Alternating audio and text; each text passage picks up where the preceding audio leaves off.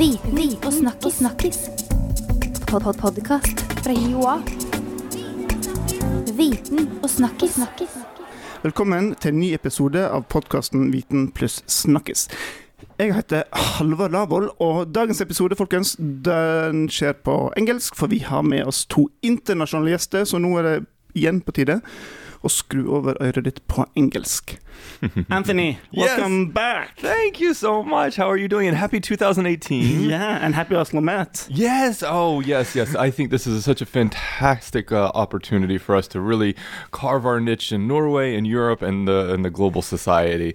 And uh, so, if I could just start off by throwing out a huge thanks to uh, Curt Rice and his team, their vision, their wisdom, and their leadership has really gone so far to take us to this next level. And so, we're really uh, lucky. Oh, that sounds good. We're happy you're, you're Yeah. happy with it. Oh, I'm thrilled. Yeah. I'm thrilled. I Oh, can, good. uh, when I go to conferences and when I do my work with the different organizations throughout the world, it's really easy to talk about Oslo Met. And uh, people kind of get it, they understand, and then they can uh, kind of relate what my expertise is to this name. And that's the, that's the goal. That's great. Yeah. Um, it's been a, a bit some time since last time you were here, but I, last time I looked into your schedule, it's pretty filled up, isn't it? it's it? bonkers. Yeah. Uh-huh. So we need an uh, extra podcast episode just to talk about your schedule and what you're up to.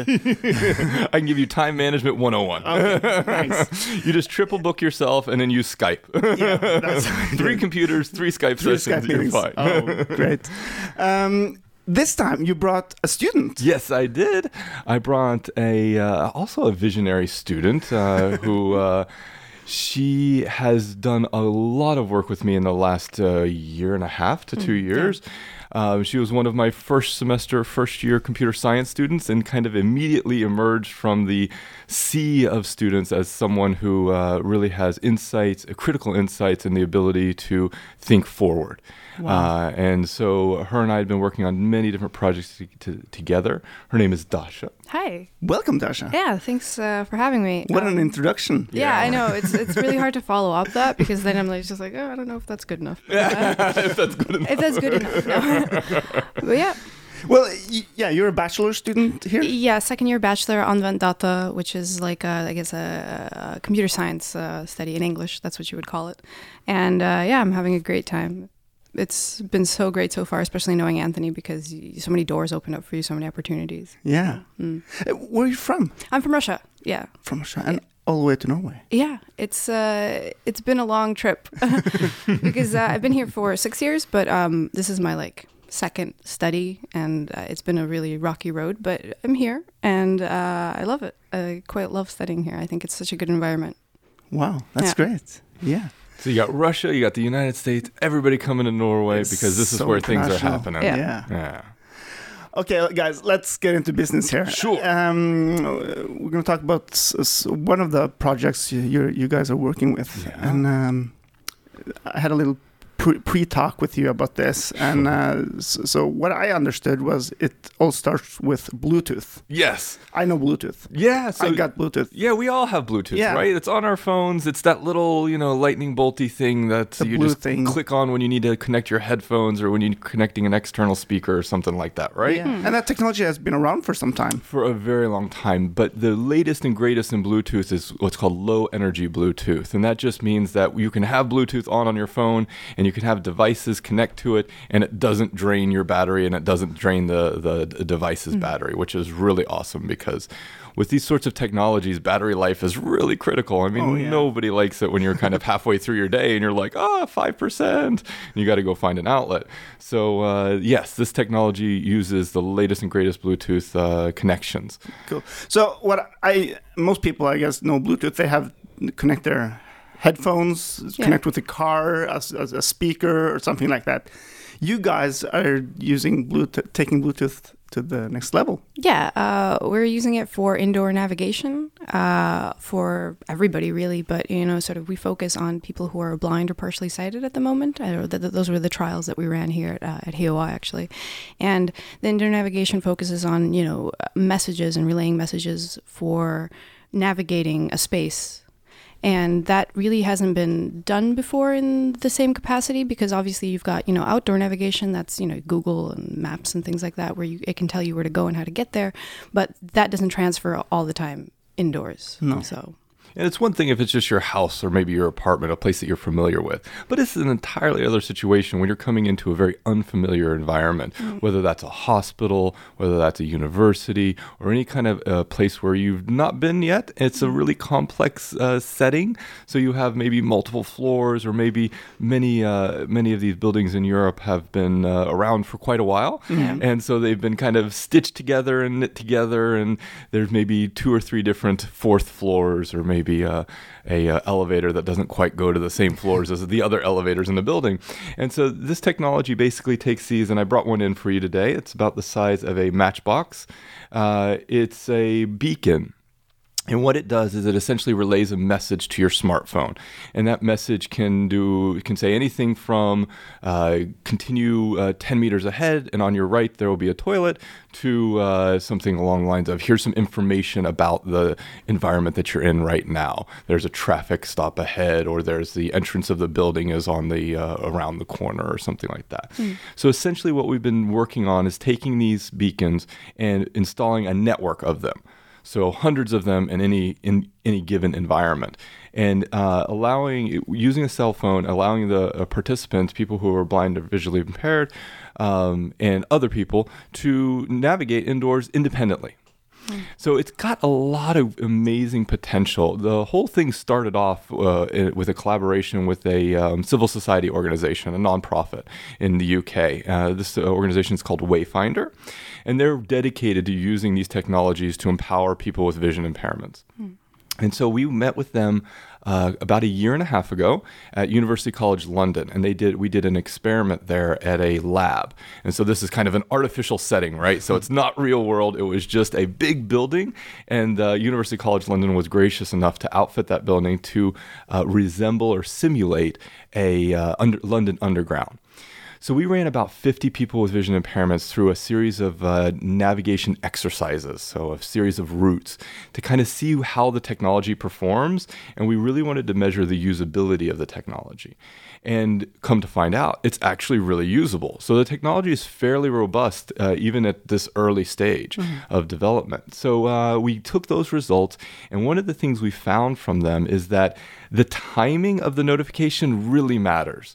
Uh, so whether or not somebody gets a notification a couple of meters from the action point. So if there's going to be a doorway, if you get the notification two, three, four, five, six meters away, or if you get the notification 10, 15, 20 meters away, the this kind of um, timing really, really matters.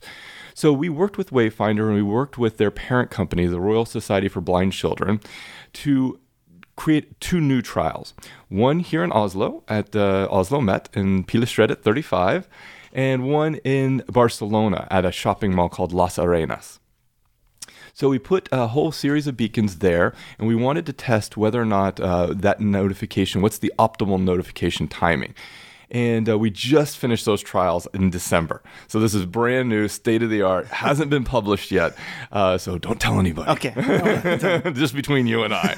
Uh, But t- tell me a little bit. How, how does this work in practice? When I c- Sure. get in here, I have a phone. Yeah. Um, and I, I get closer to Mm-hmm. a beacon. H- what happens if that wants to tell? wh- wh- How does that notification look like?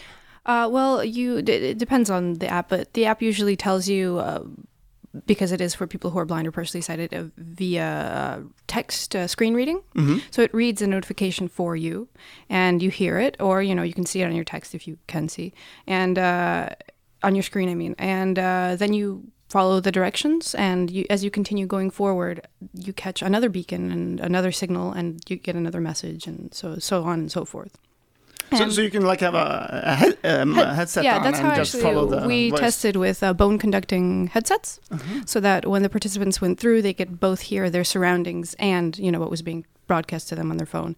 And this worked out really well. People said that they were very comfortable, and a lot of them felt that it was uh, safe. They felt safer in, in these environments. And uh, you've been to P35, and you've been to all the buildings at HIOA probably, and you know how difficult it is to navigate. And uh, I feel like this technology would help anybody and everybody really first year students for example who get like lost in the hallways which i did definitely this would be a godsend honestly so yeah And of course, for international students, the technology is uh, again robust enough that we can have multiple languages supported. So we don't have that yet, but this is what we're looking to do. One of the things we want to do in the next stage of, uh, of trials and the next stages of testing is uh, is find ways of making sure that the technology is available to people uh, from different language backgrounds. yeah Uh, yeah. Uh, uh, when, when you put up a beacon like that, um, uh, what's the area it, it, it is sending out a signal? Can you like vary it? Say that this one is just going to communicate for two or three meters, or, or this one is 10 meters? Uh, yeah, you can. Uh, it's got a very robust and pretty pretty flexible back end where you can uh, sort of change these things and you can change the message. You can like once the beacon is in place, you can do anything you want to it. Really, you can you know obviously hallways change, not hallways, but uh, classrooms change and things change. So you can change that. You can change the distance. You can change the the sort of the power that it emits, and uh, it works really well and it's really easy to use, which is really nice because you don't have to have a tech background to sort of work with these things and maintain them, hmm. and that's really great. And these beacons, for example, the small ones, they have a battery life of about five years, right? Oh, okay. But you can also obviously put it through the mains if you you know if you're building a building from scratch and you can build it through the mains and then you won't have to maintain it at all other than through the back end which is really great So here in Norway, we worked with an organization, a social startup called Next Signal, and uh, like Dasha said, you can power them to be within a meter, uh, kind of that level of precision, to 20 meters. So if you wanted to kind of uh, um, uh, have a beacon placed over a doorway or a series of doorways in an office corridor, you could have a notification for every office on that corridor. And the responsiveness, like Dasha said, is really, really important as well because, you know, buildings go through maintenance, things get closed, you know, there's even for emergency services, there's there's things that uh, change, uh, and we can make these changes on the fly. So if there's a toilet that's closed, even just temporarily for maintenance for you know a few minutes while it's being cleaned, you can make that change. And if it's a scheduled change, then you can make that change ahead of time, and then it can uh, notify the people in the environment that hey, this toilet doesn't work. Uh, your next toilet's available 10 meters down the line. Wow. Yeah. This is great technology, but, but like finding your way. Yeah. Well, for me, or if you're blind or whatever, this is sounds really useful. But it sounds like this is technology technology you can use for even more stuff. It it hmm. sends out the information. Absolutely, absolutely. It's truly universally designed. So the way the Norwegian government talks about universal design is always necessary for some, good for everyone, and this technology hits exactly that. So for na- indoor navigation for people with vision impairments, it's absolutely necessary to be able to navigate independently and autonomously. But it's something that really can be used in a number of different ways for a number of different purposes. Mm. So one of my kind of fantasies in in the war in life is to have these beacons uh, mounted all over a classroom that enables me as the instructor to give uh, information to my students as they're entering the classroom. So whenever they would come into the classroom, they would be notified this is today's lecture. It, maybe there's a guest lecture, the name of the guest lecture, then push out the uh, bio profile of the guest lecture or a short TED talk about the lecture topic, and then during class perform assessments or again push more content. So students aren't forced to sit in that two hours uh, seat sit in that seat for two hours and pay attention. Because we all know this doesn't happen anyways. Students are on facebook they're on twitter they're on whatever they're on having fun, doing whatever it is, and then every now and then pinging back into the lecture. This is great. We can use this as teachers to our advantage if we're giving them content to consume during class that isn't just, you know, uh, kind of recreational content. And of course, as they exit the classroom, it can also ping the students to uh, evaluate the course or evaluate the lecture. How did you like it on a scale of one to five? Or evaluate them on their knowledge. Can you define this term that was covered in class today? So the potential is very exciting. Uh, what we really need right now is just uh, uh, organizations that are willing to put it into practice and actually uh, take ownership of it. And uh, we're looking forward to this year, hopefully, uh, putting into place a full scale demonstration in Pilestredet 35 of the technology and how it works. So if, uh, if, I, if I get my way, uh, then in next year, uh, later on next year, what we'll have is uh, the ability to go in for the first semester students will be able to go into the building for the first time, plug in where their uh, classroom is or what class they have, and the beacons to navigate them to that classroom uh, easily and effectively. Uh, and the same for any visitor. So as long as they have the app that we'll use uh, for the uh, for the system, then they'll be able to navigate that environment, which, as Dasha mentioned, is incredibly complex and difficult. Pilestredet 35 is a great case because it's actually three buildings that were kind of uh, Stitched together. yeah. yeah. architecturally stitched together. Yeah. Yes, exactly. And these beacons, they're sending out signals. Can they receive signals from you too, or is it a Uh, one-way? Uh, It's thing? one way. Okay. It's, yeah. So, so when you had your example of uh, giving feedback to a lecturer, Right. Then you you the, you get a notification from the the. With the- via Bluetooth, and Yeah. then your response is then through Wi-Fi or uh, Exactly, something exactly. else. So Okay. the response would then go to the cloud, and then that's something that I, as an instructor, could retrieve and then understand what the class's Yeah, uh, and kind of experience Speaking was. of the cloud, I mean, the notifications that you have set or the information that you have set on the beacon is also stored in a cloud. Mm. So it's very robust when you switch it or maintain it as well. It's very nice to sort of keep it in one space. So you don't actually store anything on the beacon. The beacon is just for the Bluetooth. Mm. So that's because that was my next question here, Yeah. which many people think about all the time is the safety part here. Yeah, It's like, do we now with this technology know like even even each centimeter where people are? Yeah, yeah, yeah. Uh, is it is it? the- But it sounds like the be- beacon itself is not the Yes. safety problem here. No, not at all. So the beacons don't capture any data about the user, and even the backend doesn't necessarily capture any data No. about the user. It's only dependent on how we program the app that depends on whether or not we're collecting any user data. And to be honest with you, that's not really of high relevance. Even as an instructor, I don't need to know what a specific student's experience was of class. I need to know what the aggregate experience is. Yeah. Uh, so I'm not interested in if somebody came to class and had to leave early or anything like that, or if somebody, you know, did whatever. I'm interested in, on a whole, did the class perform, uh, understand the topic? Did the class uh, ex- have a good experience of the lecture? And that's what it kind of informs me. So the data that we, that even any data that would be collected would only be collected anonymously and in the Yeah. aggregate, uh, at least for now.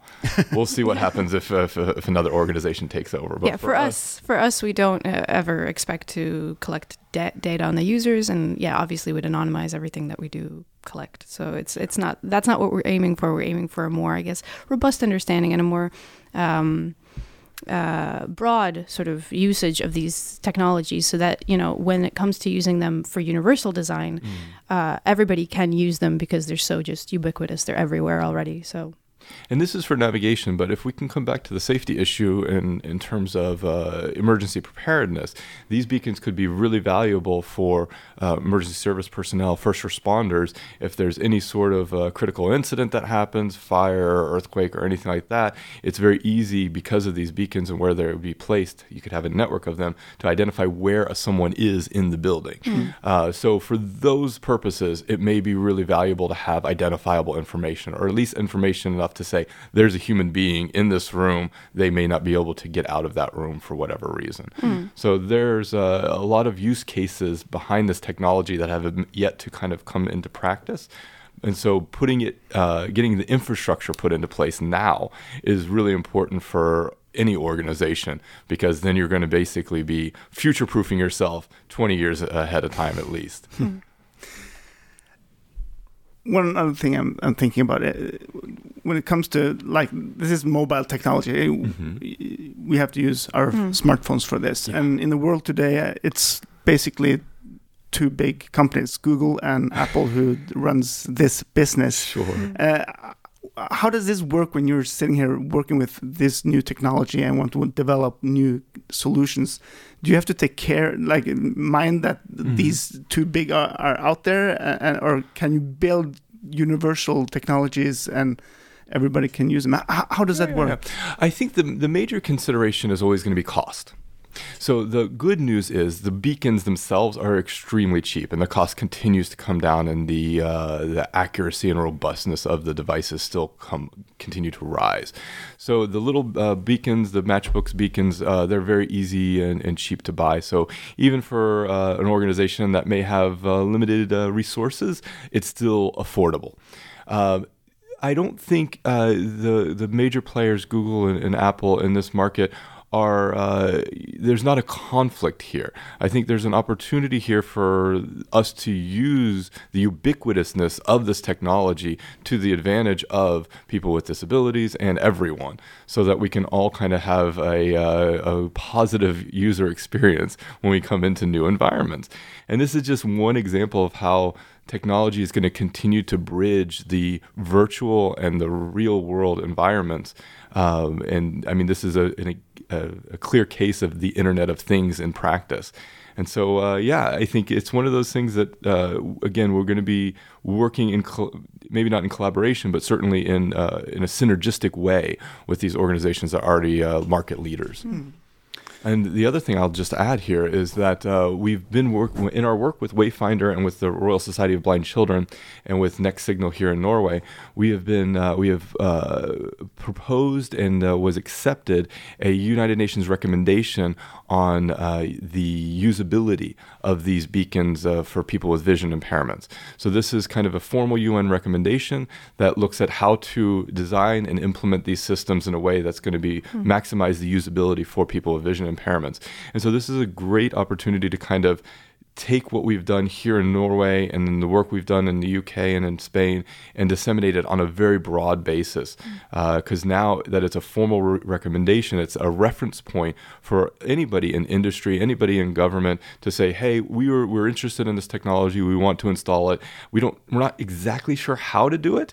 This gives you that blueprint for how to do it. I guess we could say that uh, actually, if you're on uh, on the Oslo Met campus and you're in P35, if you're uh, very uh, observant and you look up at the ceiling, you might actually see some of these beacons. They're very small, but if you're uh, interested, you can come ask us at any time and we'll uh, give you the tour.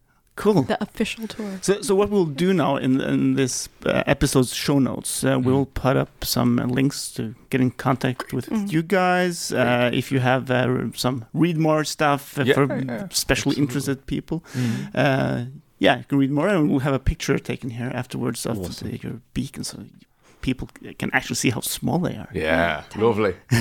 yes, we could just do it like this. Yeah.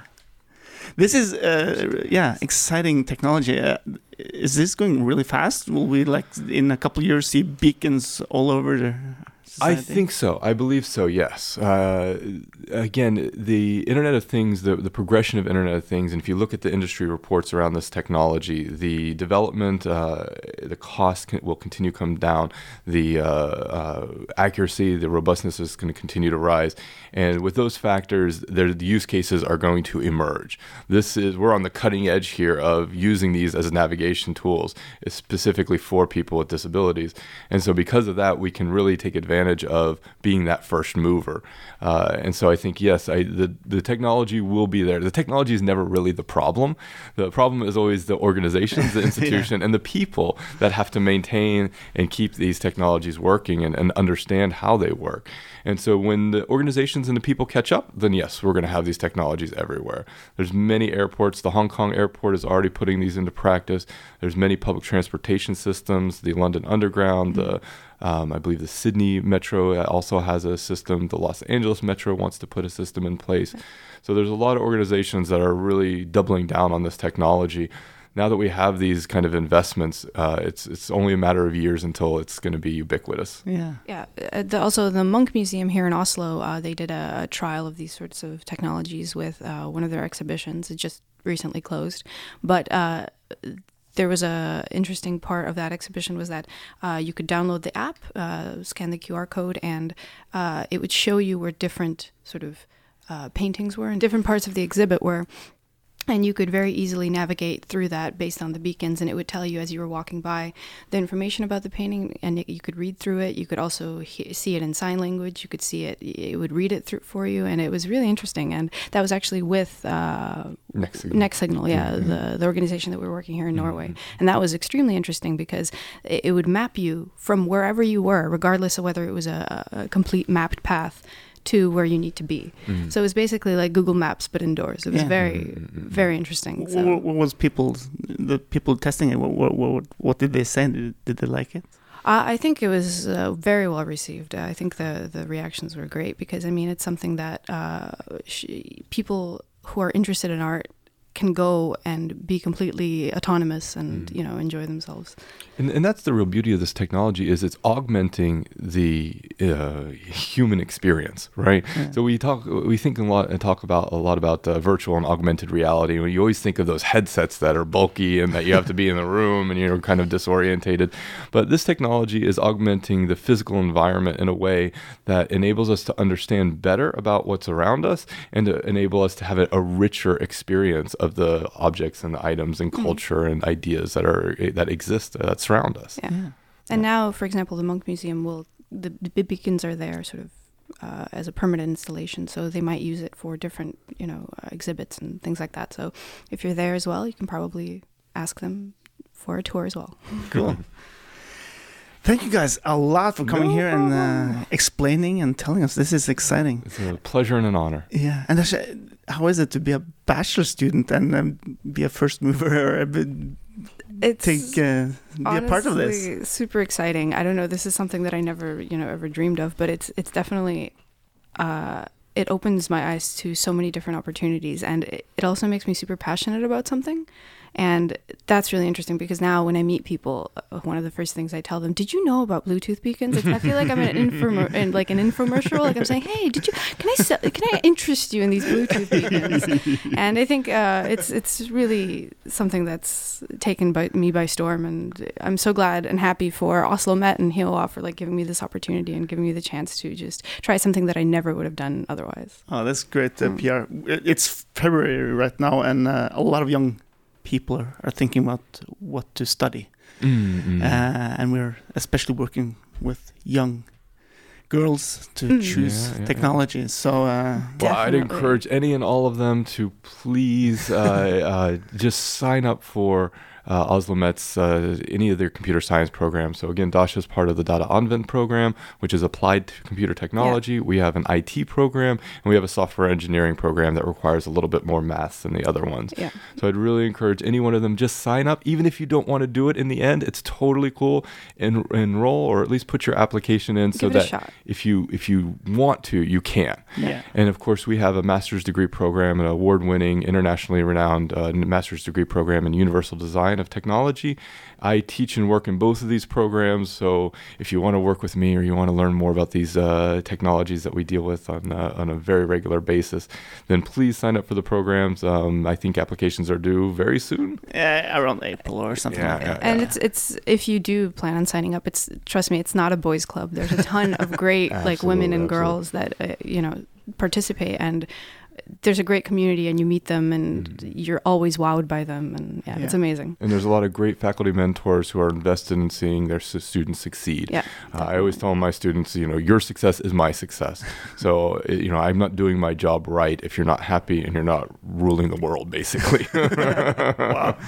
And I mean, if, if you're a person right now who have heard uh, an entire episode about beacons and Bluetooth technology, I think you are interested and you should absolutely consider these uh, Definitely. definitely, definitely. degrees. And if you're just interested in uh, having a discussion about this online, uh, you can please uh, follow me on Twitter or Facebook. Uh, my Twitter handle is AnthonyG79, and I think Facebook is just Anthony Giannoumis. Uh, We'll You- link it up. So yeah, yeah, yeah. I'm easy to find. Yeah. Mm. Again, thank you very much for coming uh, to this episode of Viten Snakkes. And as we said, uh, go to our show notes to find more information. And thank you for listening to this episode. Next Friday, you will get a new episode if you uh, subscribe to this podcast on your podcast app. So have a good day. Viten og snakkis. snakkis. Pod -pod Podkast fra Joa. Viten og snakkis. snakkis.